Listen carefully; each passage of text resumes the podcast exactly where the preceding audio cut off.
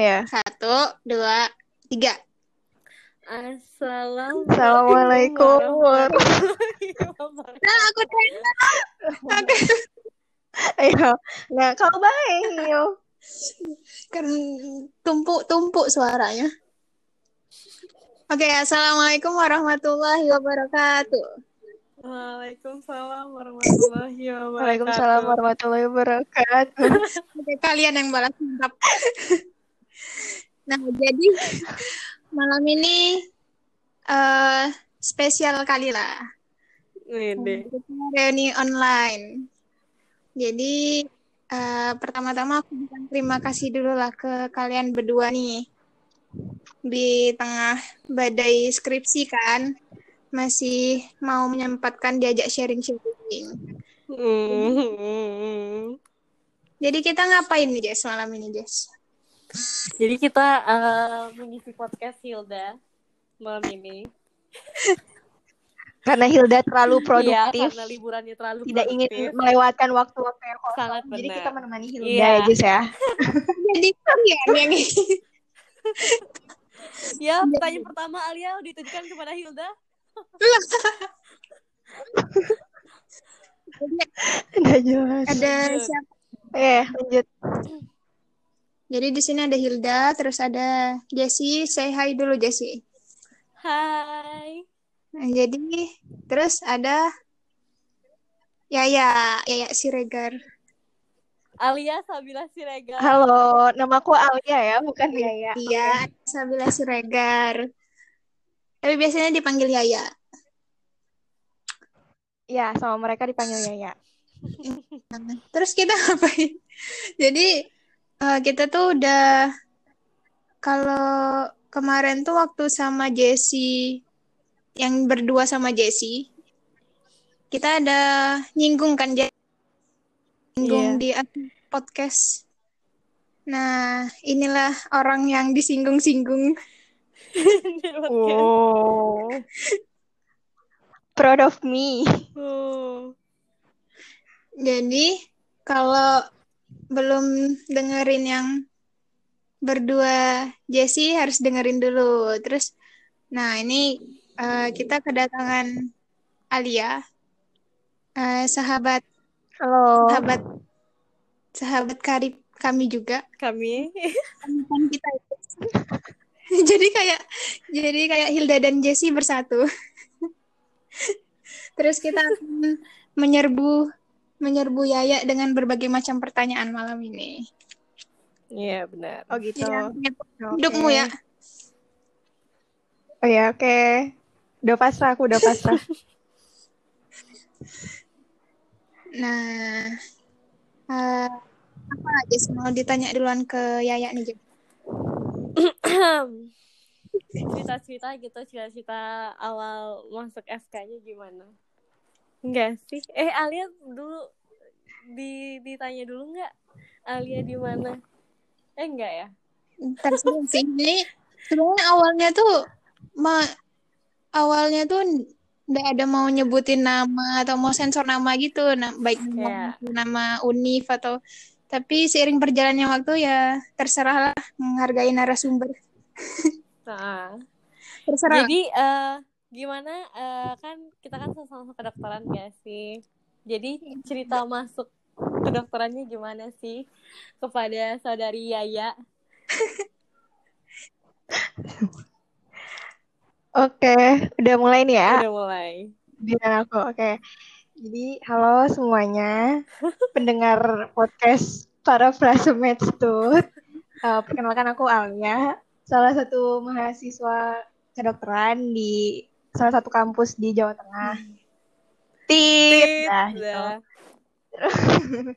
Iya, terus eh, cerita awal mulanya kenapa bisa sampai di sana, terdampar di sana. Ya, seperti mahasiswa lain sih ada berbagai jalur masuk kan kalau ke FK, ya nggak? bukan ke FK doang ke semua fakultas, ke kampus lah. Hmm. Nah, aku tuh jalur SBMPTN kebetulan waktu itu. Sama seperti Hilda dan Jessie, kami semua adalah pejuang. Berjuang. Kalau Jessie bilang tuh puji. Yes, eh, singkat ceritanya kayak gitu. Hmm. Singkat ceritanya kayak gitu ya. Oke oke. Jadi ini nih emang ber- dari dulu tuh emang beneran mau jadi dokter atau baru-baru taunya kapan gitu? Mau keinginan untuk menjadi passion seorang dokter? Sebenarnya tuh dari kecil tuh udah pengen jadi dokter. Nggak tahu sih waktu kecil tuh pengen jadi dokter tuh kayak impian semua anak kecil atau aku mikirnya dulu kayak ya udah impian anak semua anak kecil eh, kalau gede mau jadi apa? Jadi dokter gitu kan. Nah, cuman terus aku mikir antar juga pas udah dewasa udah akan menentukan pilihan eh, ketemu sendiri lah beneran ini cuma impian seorang anak kecil atau emang beneran impian aku gitu. Dan ternyata tuh emang ya emang aku pengen gitu. Sebenarnya ya udah emang pengen dan orang tua juga mendukung. Ya udah. jadi Kira seperti sekarang. oh ya jadi emang niatnya udah 100% banget ya berarti di sini ya lanjut Hil Kayak ini sih. Mas kayak aku Puing-puing hati.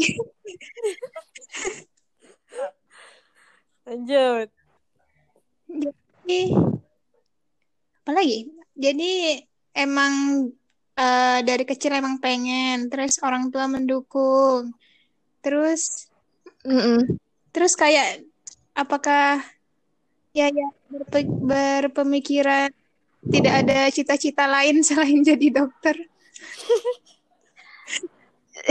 Jadi gini, jadi waktu sebenarnya waktu masa SD sampai SMP itu kayak ya udahlah ya jalani aja gitu. Nah waktu SMA kan udah mulai ini kan melirik-lirik akan masuk mana ke depannya.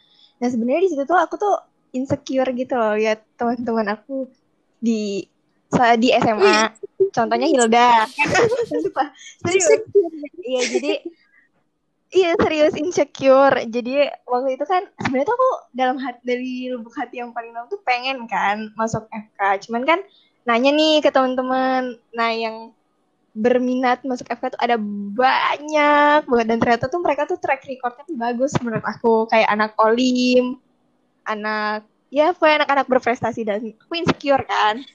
Nah terus aku tuh sempat kepikiran, oh ya udah deh aku ngalah aku mau ngambilnya waktu itu sempat kepikiran mau ngambil ilmu gizi, ilmu gizi oh. di salah satu univ di Yogyakarta. Hmm. Nah, tapi tuh aku nggak yakin gitu loh sama pilihan aku. Ini tuh beneran karena cuma rasa takut, karena takut gak keterima di PTN, atau emang beneran dari uh, hati aku gitu loh pengen. Hmm. Terus ya udah aku minta petunjuk sama yang di atas. Terus, mantap terus ya mantap. Harus loh Iya Jess. Ini emang keren banget ini sumpah Iya. Nah, ya udah terus kayak eh, ya udahlah jangan lihat orang lain. Pada akhirnya aku memutuskan ya udah fokus pada diri sendiri aja, jangan lihat orang lain. Gitu sih. Hmm. sangat salut ya Salut, salut. Salut banget nih. Yang kayak gini nih yang patut dicontoh nih. Seperti Jessie juga. jadi gitu.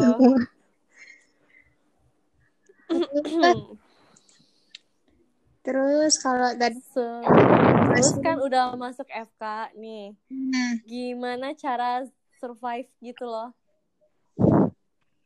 Cara survive. iya kayak bertahan sampai Ya. sekarang ada ada kendala nggak sebelum sebelumnya atau gimana gitu cara bertahan dari Oh. kendala itu Oke. Kendala pasti. Nangis pasti ada. ada lah nangis. Saya maksudnya kan nangis bentuk suatu bentuk emosi ya. iya benar Eh, cara bertahannya yaitu si Jess, Hil, maksudnya kan emang ini jalan yang aku pilih gitu loh. Jadi aku emang harus udah tahu eh, apa aja konsekuensi yang akan aku tanggung ke depannya, bakal eh, kayak gimana tuh ya aku harus udah mempersiapkan mental. Nah, tapi di tengah jalan pasti tetap ada halangan, sandungan, batu. Pokoknya ada hal yang menghalangi kan, menghalangi kita. Terus ya udah aku yang pertama sih nangis ya aku pasti nangis karena aku em- emang orangnya hmm, sensitif dan emosional gitu. Nah setelah nangis ya udah udah nangis kan udah tenang kan udah agak tenang. Aku inget lagi tujuan aku di sini tuh apa sih? Kayak eh udah sampai sini masa mau nyerah gitu aja. Dulu mati-matian pengen masuk sini gitu Oh, kan iya. istilahnya. Nah terus Uh, ya itu sih kayak uh, ngingat lagi tujuan awalnya tuh apa terus kayak sharing sih aku juga sering sharing ke teman-teman sama keluarga. Keluarga sih ke mama atau ke orang tua lah pokoknya. Ya alhamdulillah sih orang tua sama teman-teman aku tuh uh, suportif banget. Kami support system ya gitu ya. sih. Kami penyupport ya. Oh of course. Of course. Tapi nangisnya masih di awal-awal dulu atau sampai sekarang juga ya? eh Hal sampai sekarang masih. Maksudnya kayak ketika mungkin ada mungkin ada suatu titik kalau kalian tuh udah overwhelmed banget gitu loh kayak ya disuruh belajar misalnya nih ada ujian blok bentar lagi terus ada deadline ini deadline itu kan kayak dead apa sih kayak dikejar-kejar sama itu kan jadi overwhelmed kan kayak panik sendiri gitu loh. Nah itu kadang ya aku nangis sih. Tapi ya nangisnya nggak yang lebay gitu enggak cuman kayak menenangkan diri melepas beban. Ya udah gitu aja. Tapi sampai sekarang masih jadi kok kayak Kadang- sebenarnya kadang. sebenarnya nangisnya tuh juga healing gitu ya. Nah ya benar. Kalau Oke. gue sih, benar sekali. yes. jadi nangis nangisnya anak anak kedokteran tuh healing sebenarnya guys. Jadi di sini dipetik nih. Benar guys. Benar guys Jessy gimana Jess ditanya Hilda tuh. Apa? Gimana apanya nih? Kalau Jesse aku nangis gimana? Kalau aku sih nggak nangis sih. Aku aku kalau misalnya tahan banting Jessy aku kalau misalnya hal-hal kayak gitu kan aku lebih suka main. Jadi apa apa tuh aku refreshing terus kayaknya tiap hari. Oh iya benar. Gitu. Eh bener sih. Aku juga kadang me time sih kalau udah mumet udah penat gitu ya me time dia sangat sangat Apa me sih? time Hmm. Cara ngibur diri versi Yaya lah. Kalau Jesse kemarin apa Jess? Jalan-jalan ya? Ya kan? Iya. Melala, Jess, jalan-jalan. melala. Kalau aku jalan-jalan sore. Kalau aku, aku tuh eh, kalau lagi healing kayak gitu tuh nggak bisa rame-rame. Dia beneran harus sendiri. Hmm. Beda. Ya aku pergi ke tempat-tempat. Alia, Iya. eh, Yaya ini agak sedikit introvert tapi dia bisa extrovert gitu. Gimana ya? Tapi itu sebenarnya aku tuh campuran Oh, tau. campuran. Setelah aku pikir-pikir aku nggak terlalu intro, nggak terlalu Oh, ekstro. bagus bagus. ada ada kan, ada kan kepribadian kayak Mhm, gitu. mhm. Nah, nah, jadi somehow aku tuh ngerasa sendiri tuh eh lebih baik.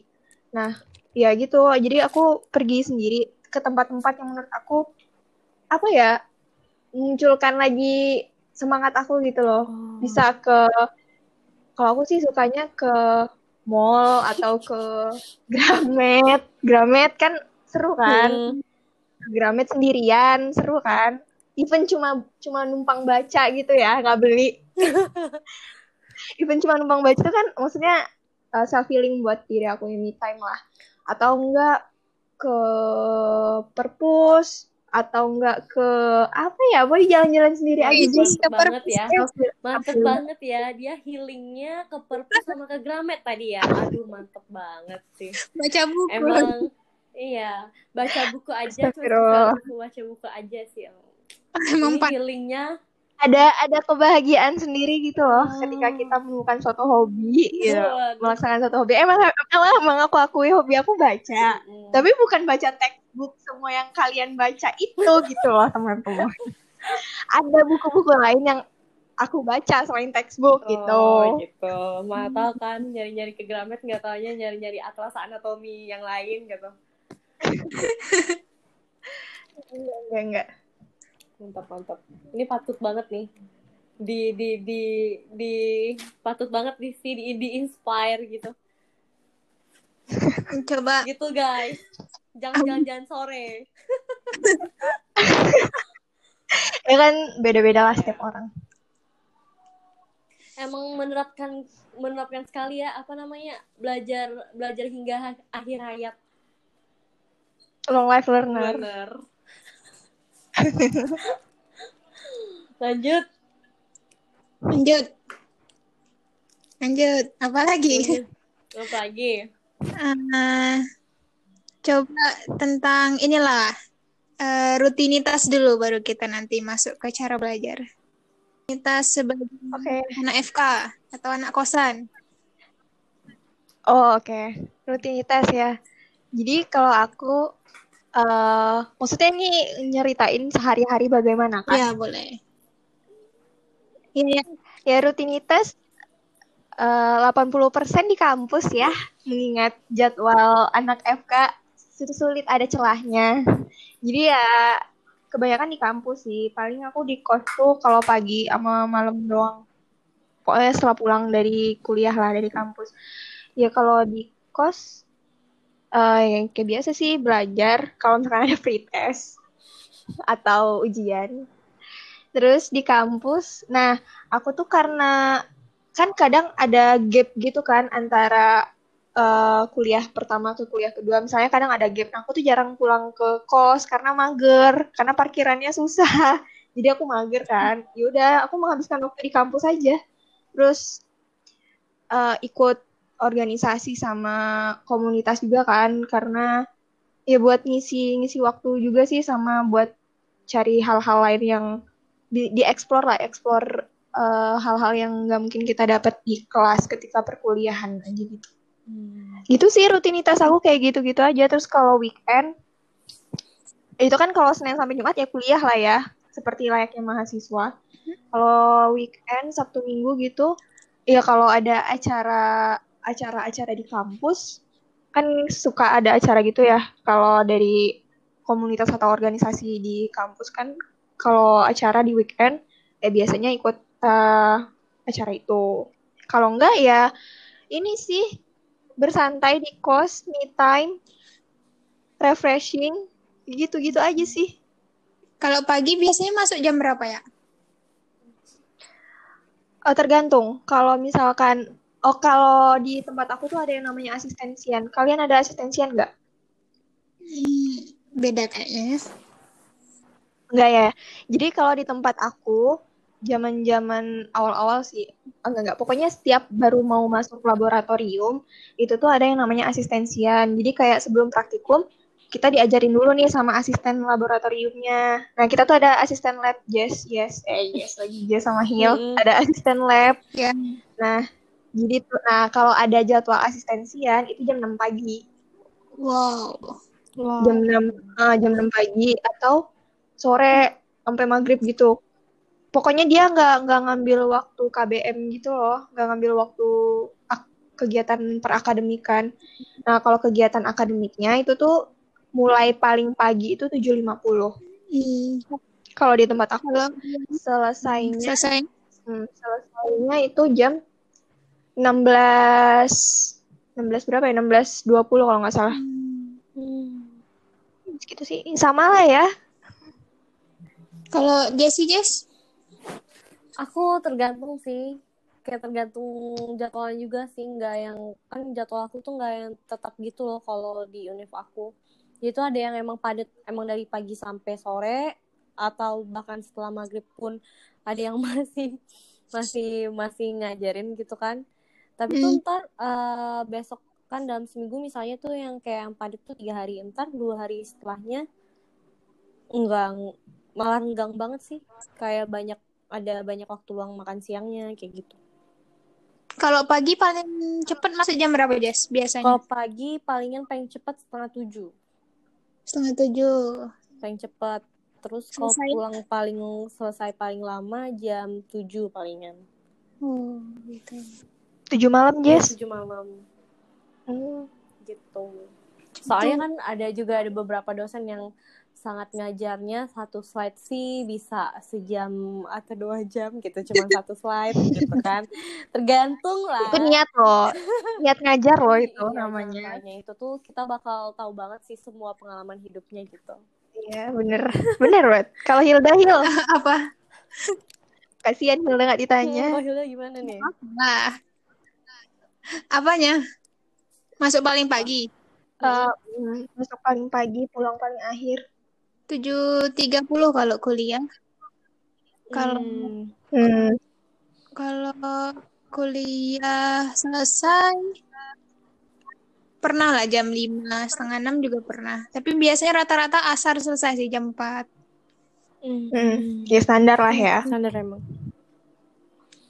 Terus, kalau eh cara belajar ya, Hmm. Cara belajar. Aku sempat dengerin Jessie kemarin. Cara belajar aku sangat 180 derajat berbeda dengan Jessie. Jessie kemarin apa ya? Jessie tuh sistem SKS gitu kan? Ya kan, Jess? Ya bener. Nah, aku tuh nggak bisa. Sumpah nggak bisa. Soalnya aku kayak menyadari diri aku sendiri gitu loh. Aku tuh nggak cepet nggak cepet nangkep orangnya. Jadi kalau kalau Jessie kan kalau kuliah memperhatikan ya. Aku nggak cukup nggak cukup cuma untuk memperhatikan Jess. Jadi aku tuh aku rekam, Oh. aku catet, Oh. aku perhatiin gitu. Jadi di sampai di kos aku ulang lagi. Terus kalau misalkan kadang kan dosen cepet ya eh, ngejelasinnya. So aku denger rekamannya itu. Hmm. Ya udah aku nyatet sih, maksudnya baca, nyatet, baca, nyatet gitu cara belajar aku. Nah, kalau menjelang ujian Nah, sama sih ya, bahas-bahas soal sama bahas soal. Nah, terus karena di tempat aku itu ujiannya tuh nggak habis, misalnya kan kita sistemnya blok kan, nggak habis blok langsung ujian tuh enggak. Jadi aku tuh dua blok baru ujian gitu. Oh. Ngerti gak? Ah, jadi kayak di akhir makanya tuh kayak Oh, akhirnya ditutup lebih gitu ini ya. ah, ah, lebih capek menurut aku mendingan abis blok kelar langsung ujian sih kalau menurut aku kayak lebih capek soalnya kan udah lupa gitu loh blok yang pertama oh, tentang apa terus kayak harus diulang lagi ya gitu sih makanya cara sejauh ini cara efektif menurut aku baca PPT-nya terus kayak aku rangkum lagi di catatan-catatan aku gitu mm, ya. sama catatan yang waktu kuliah aku lengkapin dengan dengar mendengar rekaman gitu sih Itu semua dosen di semua dosen dicatat atau enggak ya? Semua Semua. Wah. Nah, cuman cuman kayak yang detail-detail kayak misalnya apa ya? Kalau misalkan dulu waktu semester 1 semester 2 tuh kayak yang detail-detail tuh kan kayak histologi. Apa ya yang pokoknya hafalan sifatnya Iya, hafalan iya, itu iya, aku print hafalan aja. Aku, ah, aku print out aja. Cuman kalau udah semester-semester sekarang kan kayak lebih ke pemahaman ya. Mm. Patofisiologi penyakitnya kayak gimana, gejalanya gimana. Mm-mm. Ya gitu-gitu aku catat sih. Nggak banyak sih, Hil. Maksudnya nggak nggak every slide aku catat gitu. Enggak. Maksudnya kayak garis besarnya itu loh yang biar aku paham. Mm-mm. Tapi setiap kuliah dosen, ya aku catat. Hmm, gitu. Gitu. Gimana kalau cara belajar Hilda gimana? Kok jadi aku sih? Jangan tanya aku. Jadi gimana kan kita kan ada nih yang satu gini, yang satu gini, yang satunya pendengarnya gimana nih? aku aku tergantung mood kayaknya. Hmm. Aku jadi Iya, iya. menyesuaikan keadaan. Ada pernah di blog-blog tertentu kayak Yaya eh dosen yang mungkin agak cepat dan materinya tuh eh materinya itu benar-benar penting lah gitu kan yang harus dipahami. Nah, itu aku rekam. Nanti aku dengerin lagi. Sama lah kalau Hmm. Hmm. dosen jelasin nyata yang penting-penting, yang tidak diomongkannya yang terutama kan. Kadang ada dosen Hmm. yang memasukkan soal ujian dari apa yang diomongkan. Bukan ada yang Hmm. kan. Itu. Jadi aku tergantung sih, tergantung mood mood aku. Tergantung blog juga. Tergantung ciri-ciri dosennya bakal masukin ujian di soal apa lah ya. Udah termasuk. Oke, oke. Gitu ya cara belajarnya sangat-sangat bervariasi.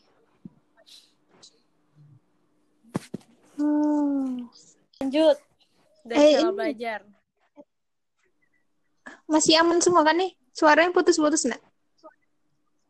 Hmm, enggak. Udah, udah, udah. Sekarang udah kedengeran. Oke, aman. Lanjut. Jessie aman, Jess?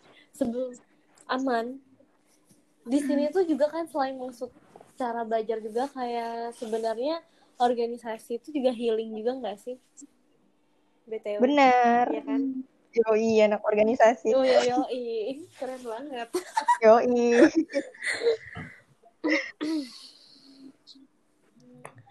healing banget sih menurut aku organisasi tuh. Uh, gimana yang kayak kuliah ya kayak gitulah, tau lah kuliah gimana ya gitu. Tapi tuh pas di organisasi tuh walaupun ada proker tuh healing juga sih termasuk healing gitu. Enjoy ya, enjoy. enjoy. Apalagi kalau orang-orangnya tuh hmm. kayak yang oke. Okay, gitu. Kayak Jessie. Sefrekuensi, iya, sefrekuensi lah dengan iya, kita ya. Iya, sefrekuensi benar-benar. Itu makin enak gitu, makin enjoy. Jadi seru gitu kan. Hmm. Tapi ada nggak sih teman-teman kalian yang tidak ikut organisasi? Kalau aku sebagian besar ikut sih Hil. Maksudnya tuh kayak di kampus aku tuh sangat banyak UKM gitu loh Hil. Jadi kayak minimal banget nih satu orang tuh adalah satu organisasi yang dia, ikut, dia ikuti walaupun nggak aktif ya, gitu. Tapi namanya tuh ada di daftar itu. Bener-bener ndak ada yang tidak ada organisasinya kalian? Teman-teman kalian? Paling satu paling satu dua orang doang nah, iya sih. kalau sejauh ini yang kayak gitu ha. Iya sih benar. Berarti ada kan ada cuman ya minoritas sih kayak gitu pasti ada gitu iya. sama-sama terus kalau saya Uh, hmm? Ikut organisasi apa ya? Kalau sekarang sih nggak ada organisasi ya, maksudnya tinggal komunitas. Udah lengser. Jadi aku tuh dulu udah lengser. Jadi aku tahun pertama aku tuh cukup banyak ikut organisasi. Maksudnya masih explore diri gitu loh. Aku tuh sebenarnya pantasnya di mana terus kayak dulu kan aku di kos sendirian ya daripada sendirian sendirian di kos mending ikut banyak organisasi gitu awalnya. Tapi ternyata aku keteteran awalnya waktu semester semester awal tahun pertama deh tahun pertama preklinik itu ada lima kayaknya aku ikut UKM bener wow. UKM sama komunitasnya cuman tuh kayak yang aktif ya paling satu satu dua doang yang lain tuh kayak numpang nama doang gitu loh cuma cuma sekedar kepo hmm. sekarang eh, yang terakhir aku ikut ikutin itu ada himpunan himpunan itu di bawahnya ya SMKI kalau di tempat aku. Terus ada komunitas sosial, eh komunitas di bidang sosial sama literasi gitu. Sama satu lagi uh, eh, TBM, tim bantuan medis. Oh iya iya. Udah sih itu aja. Yang menguras waktu sih kalau menurut aku yang dulu sih waktu di himpunan ya sama komunitas. Kalau komunitas itu kan sifatnya dadakan. Karena karena sifatnya sosial juga kan. Jadi kayak ya udah kalau lagi ada isu apa atau lagi ada bencana apa baru kita gerak gitu itu sih kalau yang menguras waktu kalau TBM TBM tuh kalau di tempat aku TBM-nya itu ada ini jadwal jaga kliniknya kita sama jadwal bakti sosial nah paling ikut-ikut itu sih kadang weekend kan di bakti bakti weekend jadi kadang aku suka ikut juga tuh baksos baksos ya baksos baksos gitu di di tempat-tempat tertentu gitu Hmm. Seru sih. Yang komunitas tadi punya punya FK ya atau hmm, enggak? Jadi itu tuh eksternal. Eh enggak sih. Jadi itu sebenarnya itu tuh komunitasnya isinya anak-anak FK, Hil. Oh. Isinya anak-anak FK tapi enggak termasuk enggak di bawah uh, pengawasan dekanat gitu loh. Tapi ya. Hmm. Jadi udah kita bikin komunitas aja yang sefrekuensi gitu. Oh. Gitu. Bukan bukan aku sih yang bikin, aku cuma ikut gitu ya waktu luangnya diisi dengan organisasi gitu ya mantap banget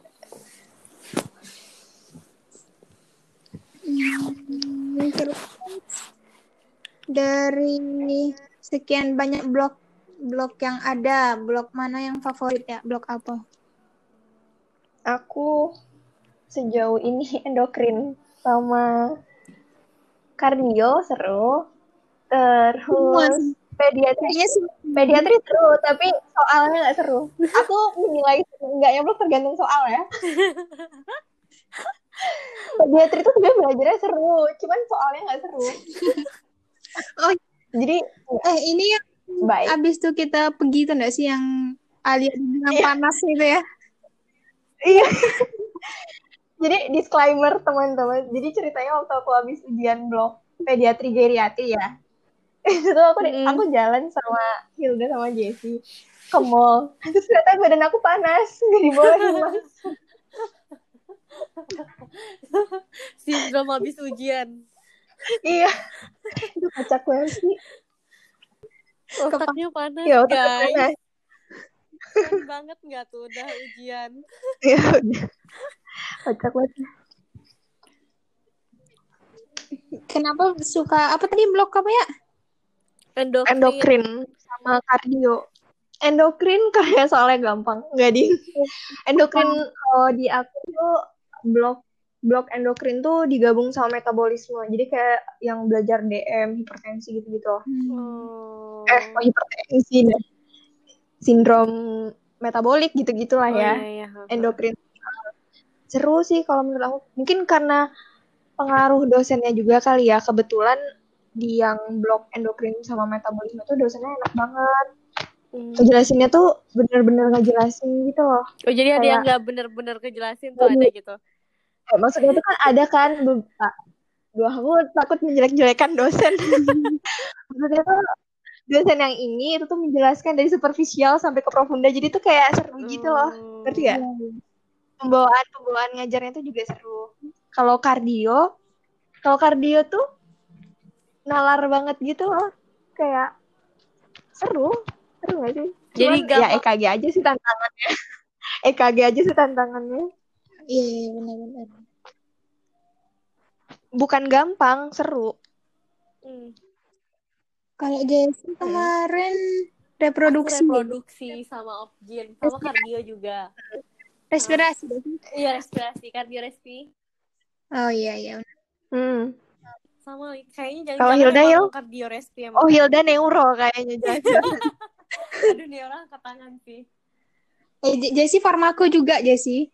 Oh iya, farmako juga lumayan. Karena ada kimianya ya. Hmm. Terus apa lagi Jess? BTW gak ada yang suka farmako, cuma aku aja. Enggak Karena aku nggak suka, tapi wajib disukai, Jess. Karena wajib gitu.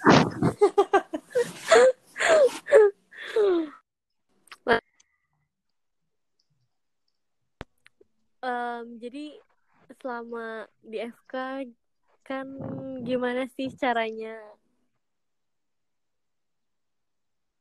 SMA kita seberangan kan?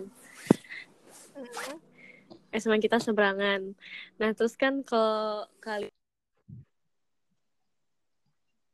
Hmm, agama. Oh iya. iya jadi tuh ada nggak yang kayak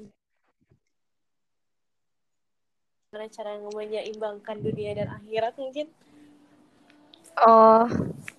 Oh, menye- gimana caranya menyeimbangkan gitu ya? ya, yang Jadi kalau menurut aku, Heeh. ya kalau menurut aku sih gini yang pertama eh prinsip dulu ya.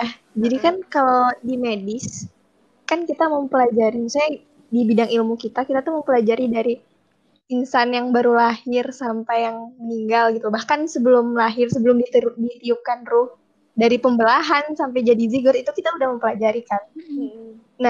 Harusnya tuh menurut aku harusnya kita lebih paham dong. Maksudnya itu kan ada juga di Al-Qur'an gitu loh. Eh, proses-proses pembentukan manusia kayak gimana dan ternyata benar yang kita pelajarin juga kayak gitu. Harusnya ya, menurut aku harusnya kita sebagai eh, mahasiswa yang berkecimpung di profesi ini di keilmu bidang keilmuan ini harusnya lebih paham gitu loh. Lebih apa ya, lebih lebih bisa mengaplikasikannya gitu loh. Ngerti gak? Ribet ya? Ya pokoknya gitu. Nah, terus eh, kebetulan di kampus aku, alhamdulillah banget orang-orang itu support eh, kondusif dan suportif gitu loh. Maksudnya nggak yang gimana ya, nggak yang eh toksik-toksik banget gitu loh, nggak. Jadi mereka eh, aku lihat ya kebiasaannya teman-teman aku, even dia bukan eh, ya katakanlah bukan uhti-uhti atau ya some- something like that, itu tuh mereka tetap sholat dua loh, tetap puasa sunnah loh kayak gitu. Jadi kayak emang bener-bener positif banget di kampus aku alhamdulillahnya. Sangat-sangat kondusif di di bidang uh, spiritualnya lah ya. Terus ya gitu sih. Sebenarnya dari lingkungan ya. Dari lingkungan juga udah enak. Terus dari dosennya juga. Jadi uh, kalian tahu dokter bintang tujuh nggak? Seven Stars Doctor itu yang ngadain ini bukan? Ngadain bimbel gitu bukan ya? Oh, bukan, bukan. Jadi bukan bukan. Itu prinsip. Apa? Jadi itu itu tuh itu tuh suatu prinsip seven stars dokter dokter bintang Oh, tujuh. aku Jadi aku tuh apa tadi seven medical seven star doc- oh Seven bukan Stars bukan seven stars dokter. Jadi aku tuh di kampus tuh kayak udah ditanemin dari zaman masih maba, dari zaman mabim, zaman ospek-ospek gitu. mabim Pokoknya nanti kalian jadi eh, kayak ospek gitu loh. Hmm. Pokoknya nanti kalian harus jadi bin- dokter bintang 7. Nah, tujuhnya tuh ada disebutin apa-apa aja. Nah, yang pertama itu disebutin spiritual heal. Yes. Jadi ya Oh. emang yang harus dipegang sama seorang dokter katakanlah itu eh, kepercayaan emang spiritualnya harus kuat gitu. Emang udah diterapin dari awal. Mau apa pun agamamu ya spiritualmu harus menebus gitu. Salah satu poinnya itu. Terus eh, di sana banyak kegiatan-kegiatan ini sih, kegiatan-kegiatan agama, maksudnya kayak kajian, kajian bidang kesehatan juga ada, khusus wanita juga ada, khusus ahwat juga ada. Kayak gitu-gitu tuh hal yang lumrah gitu loh di kampus aku, khususnya di eh, FK di di fakultas aku tuh hal yang lumrah, nggak yang gimana-gimana kalau ikut itu enggak, semuanya aja ikut gitu. Apalagi kalau misalkan ada jam kosong, kayak misalkan hari Jumat nih, itu kan biasanya ada jadwal kajian buat khusus perempuan ya. Mm-mm. Nah, karena karena kita mager pulang, jadi udah eh, anak-anak kelas tuh pada ikut aja gitu ke ke kajian itu. Emang ini sih Hill Jazz emang lingkungannya mm, men, mm, mensupport gitu loh buat Hmm. menyeimbangkan antara dunia dan akhirat. Jadi menurut aku bukan suatu tantangan yang sulit ya. Kalau aku pribadi. Ya aku kepo tadi dengan yang seven stars doctor tadi.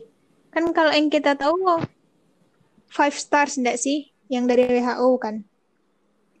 Nah, aku tuh nggak tahu ya Seven Stars Doctor ini bikinan kampus aku sendiri atau emang udah dari lama. Pokoknya tuh jadi ada tujuh tujuh sifat yang harus dimiliki dimiliki oleh seorang dokter gitu loh yang ada leadership, eh, bla bla bla bla bla bla bla bla. Nah, yang aku ingat yang paling pertama disebutin tuh spiritual gitu. Hmm, Aku aku lupa yang lain-lainnya. Pokoknya ada spiritual, leadership, community, bla bla bla, apa bla bla bla. dokter tuh kan yang apa? Dokter sebagai care provider, Nah, nah itu, ya itu. terus dia Bener bener bener. dokter, communicator, community leader, sama manager. Nah, ya, Keren ya itu. Nah, spiritual. nah kalau iya kalau di tempat aku tuh ada tambahan dua gitu, Hil. Jadi aku nggak tahu itu tuh tambahan-tambahan sendiri atau gimana. Pokoknya dari, dari dulu udah di, diajarin kayak gitu. Hmm, gitu. Hmm. Mantap banget. Terus apa lagi, Jess? Inilah kan Apa? eh kita lagi pandemi nih. Kayak mana kuliah kalian selama pandemi ini? Siapa duluan nih? Jesila. Kalau aku sama kuliah di pandemi ini sebenarnya lebih nggak worth it sih. Karena kan aku orangnya sangat santuy. Cara belajar aku juga orangnya kalau misalnya emang aku lagi serius kan emang aku dengerin banget kayak gitu. Dan aku tuh kayaknya juga visual gitu loh kayaknya. Eh, cara belajarnya. Jadi tuh aku bakal kayak ngeliatin banget kan kayak yang apa diajarin dari yang kayak mimik muka apa aja kayak yang dari eh, apa yang di yang dikeluarkan dari kata-kata dari dosen aku materi-materinya itu aku yang kayak emang yang mm, oke gitu kalau misalnya di zoom kayak sekarang kan jadinya zoom gitu kan daring gitu. Ngedengerin terus yang jadinya kayak ngeliat PPT gini gini gini gini. Ada yang misalnya kayak yang cuman baca PPT kan jadinya tuh kayak males gitu kan. Dia yang kayak "Ya udah. Uh, semangatnya lebih turun sih menurut aku kalau untuk kuliah di masa pandem pandemi ini pandemi ini tuh lebih kayak turun minat aja kayak yang untuk belajarnya tuh udahlah ini nanti bisa aja aku ulang kayak gitu jadinya sebenarnya lebih enak yang kayak biasa gitu hmm. kalau dari aku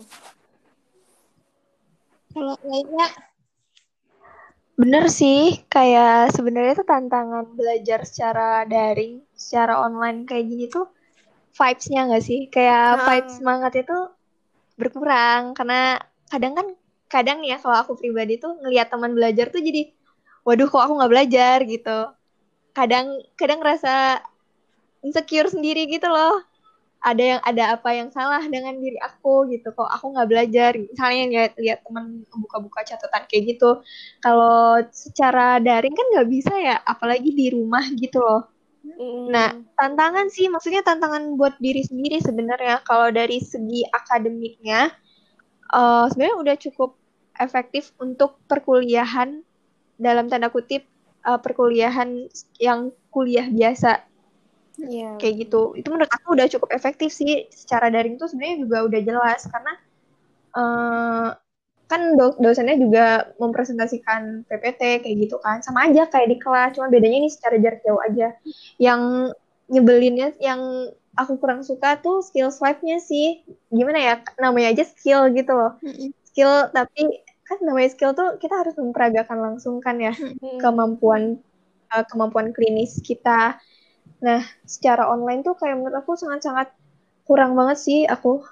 Kurang banget apalagi kita kan udah mau masuk semester 7 nih, udah mau koas kan ya. Iya. Nah, uh, apa sih persiapannya tuh kayak menurut aku kurang banget uh, keterampilan kliniknya kalau misalkan secara online gitu, secara daring untuk skill lab-nya. Hmm. Yang harus gitu sih. Ya benar-benar benar. Ya, terutama hmm. skill lab-nya sih kayak skill lab praktikum. Jadi uh, praktikum hmm, juga yang itu tuh jadinya tuh kayak ah apa nih mau belajar apa ya, aku kayak... mau buat video apa nih ilmunya nggak nggak keserap 100% gitu loh benar benar benar hmm. terus jadi tergantung intinya itu dari uh, selama kuliah pandemi ini tergantung balik-balik ke mahasiswanya lagi enggak sih gimana mm -mm. kesadaran buat menghargai dosen yang ngajar tuh harus tinggi kali enggak sih? Iya benar. LH kan? Iya, benar. LH. Ya. Kadang ini sih, kadang kayak aduh lagi capek, ntar dulu lah lihat rekamannya aja. Kadang kayak gitu sering terlintas di pikiran seperti itu. Kadang ketiduran, kayak gitu-gitu. Kadang ya. kalau aku sih aku pernah saking itu tuh aku sambil sambil itu sambil main kartu Astaga. jangan dicontoh, jangan dicontoh. jangan dicontoh. Kayak gitu sambil dengerin, oh ya, stroke, oh iya main kartu gitu. dengerin sambil main kartu. Apa coba? Sosok multitasking gitu dong jadi. Skripsi kalian apa kabar? Alhamdulillah. Di alhamdulillahin aja. Hmm syukur atas setiap setiap langkahnya setiap langkah yang kita lewati benar bener loh kan gak nyangka kan misalnya kita udah di tahap ini. Sebenarnya kerasa sih kerasa. Cuman kalau di uh, kembali lagi kayak udah nggak kerasa aja gitu loh. Kemarin rasanya baru, baru masuk. mempersiapkan diri hmm. buat SBMPTN eh sekarang hidup udah mau wisuda sarjana gitu.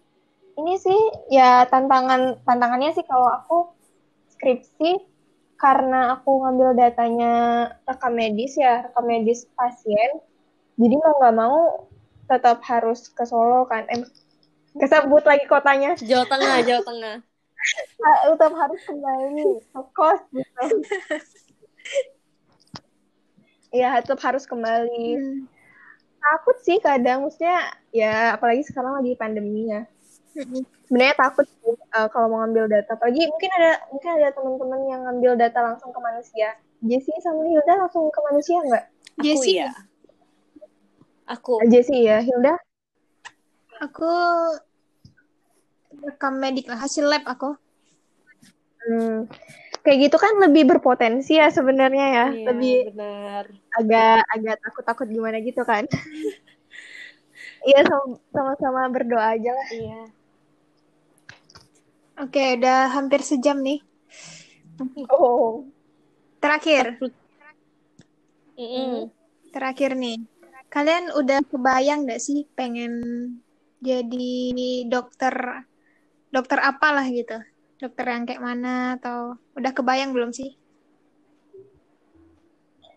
Eh, siapa dulu Kayaknya aku ntar aja lah. Kalau aku yang ini masih belum kebayang sepertinya ya. Ya, honestly. yes.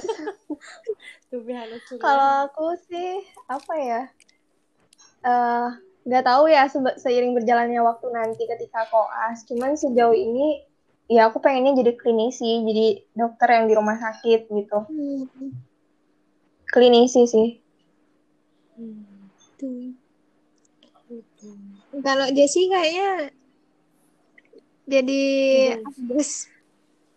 Belum sih, tapi tuh em, aku tuh terkadang menurut aku sih aku orangnya sangat sangat apa ya? Hmm, aku tuh cepet banget kasihannya. Hmm. Jadi tuh kayaknya aku tuh maunya tuh lebih ke yang kayak mungkin radiologi. Hmm, yang nggak bersinggungan langsung Iya. dengan pasien gitu ya Heeh. oh aku kebalikan Jessie aku kebalikan Jessie aku nggak suka bidang ilmu yang nggak bersinggungan langsung dengan pasien Nah, gitu. aneh ya Hmm, aku kebalikan Jessie Sama salah 80 derajat nih kelihatan kan dari belajarnya tuh ya kita salah 80 berbeda. Jadi tuh minatnya pun depannya berbeda gitu. Dari SMP juga gitu kan, Jess? Hmm, bener. gitu aja terus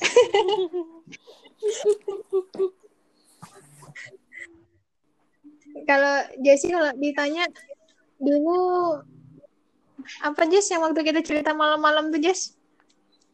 Apa nih? Kalau apa teman belajarnya ya? Oh iya. Oh ya kalau teman belajarnya Ali Alia Sabila Siregar teman bermain aku Fadil Hilda. berbohong kalian sumpah bohong Jadi ya kalau misalnya dari SMP sih sebenarnya to be honestly ya Hil Hmm. yang paling rajin di antara kita bertiga itu adalah Alia Sabila Siregar. Yeah. Bener gak sih?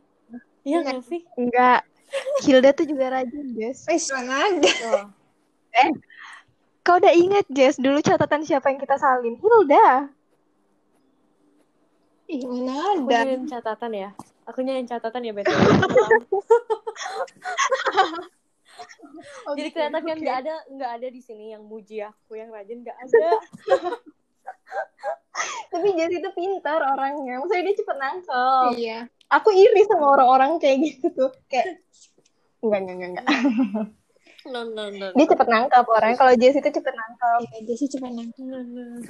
kalau aku tuh butuh effort dulu buat paham gitu Jess sih satu kali dua kali jelasin dah udah udah bisa dia gitu Kayaknya bukan lebih ke satu dua kali paling kayak ya udah ya lanjutin lanjutin. Oke next. Oke. yang paling akhir nih. Tadi kan yang terakhir. Ini yang paling akhir nih. oh belum Yang paling akhir jadi eh kan udah kita udah sejauh ini nih. Jadi menurut kalian apalah yang bisa di apa ya kayak hikmahnya gitulah Eh enak lah jadi anak kedokteran nih. Apa sih eh, poin-poin atau inti-inti yang bisa kita syukuri sebagai anak kedokteran? Karena udah sejauh ini kan. Hmm. Hmm, kalau dari aku sih sebenarnya terkadang kalau misalnya ngelihat makin tahu kedokteran, maksudnya tuh kita makin tahu gimana kehidupan tadi yang dibilang Alia, yang gimana dari cara pembelahan, bla bla bla, makin kagum gak sih dengan dunia ini dan segala penciptaannya. Hmm, bener Jadi tuh lebih kayak lebih kayak lebih apa ya menyadarkan diri kayak apa yang mau dibanggain gitu. wih masya Allah. Insya Allah menurut aku sih gitu jadi itu kayak dengan segala penciptaan yang sangat-sangat keren ini Jadi seru lah ya jadi anak FK ya. Seru. Ya, sangat seru. Lebih tahu. Oh iya, ternyata ini gini, ini gini, ini gini. Lebih bersyukur juga nggak sih, guys? Lebih lebih Ya, menjadi, lebih bersyukur menjadi sih. manusia lebih bersyukur gitu. Udah ada tambahan lagi? Kayaknya ada tambahan. eh sama sih kayak yang Jessie bilang tadi. Paling tambahannya ini sih kalau selama ini jadi mahasiswa kedokteran tuh kayak eh banyak banyak loh manfaat yang bisa kita beri ke manusia lain kan eh, penciptaan manusia di eh, bumi ini kan eh, tujuannya untuk bermanfaat bagi manusia lain ya. Nah, ada banyak banget manfaat yang bisa uh, kita berikan buat manusia lain gitu. Maksudnya buat orang lain. Sama sih kayak gitu. Bisa jadi ladang pahala juga insya Allah kan. Mm-mm. Udah kayak Mantap udah banget. satu jam kita sharing-sharing. Iya, sangat berfaedah sekali ya ini. Iyalah. Silakan Jess. Panutan. Waduh. Yang punya podcast lah yang panutan Iya kan, dong, Jess. iya bener. Sangat produktif. Terserah deh dari kalian berdua sesama panutan aja ini.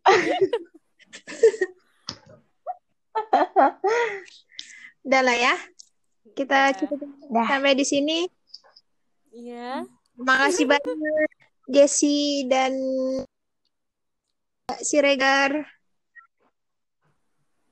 Terima Semangat, kasih kembali. semangat terus buat kalian kapan pun dan di mana pun. Yeay. Semangat juga Semangat. kalian. Semoga skripsinya dilancarkan. Terus Amin. nanti, Amin. terus nggak terasa nanti kita udah jadi dokter. Amin. Amin. Amin. Semoga kita kumpul-kumpul lagi. Amin. Dalam waktu- Amin. Dah. Pulanglah kau ke Jambi, yo. Apa? Pul- Pulanglah ke Jambi. Iya. Iya kan, maunya gitu. Alah, kok Agustus kan pulang ya? Oh iya. Jessie lah yang selalu ada. Oke, oke. Oke, kita cukupkan sampai di sini. Makasih semua. Sama-sama, Yolda. Sama Hil. Aku tutup ya. Iya. Hmm. Oke, Assalamualaikum warahmatullahi wabarakatuh. Waalaikumsalam warahmatullahi wabarakatuh.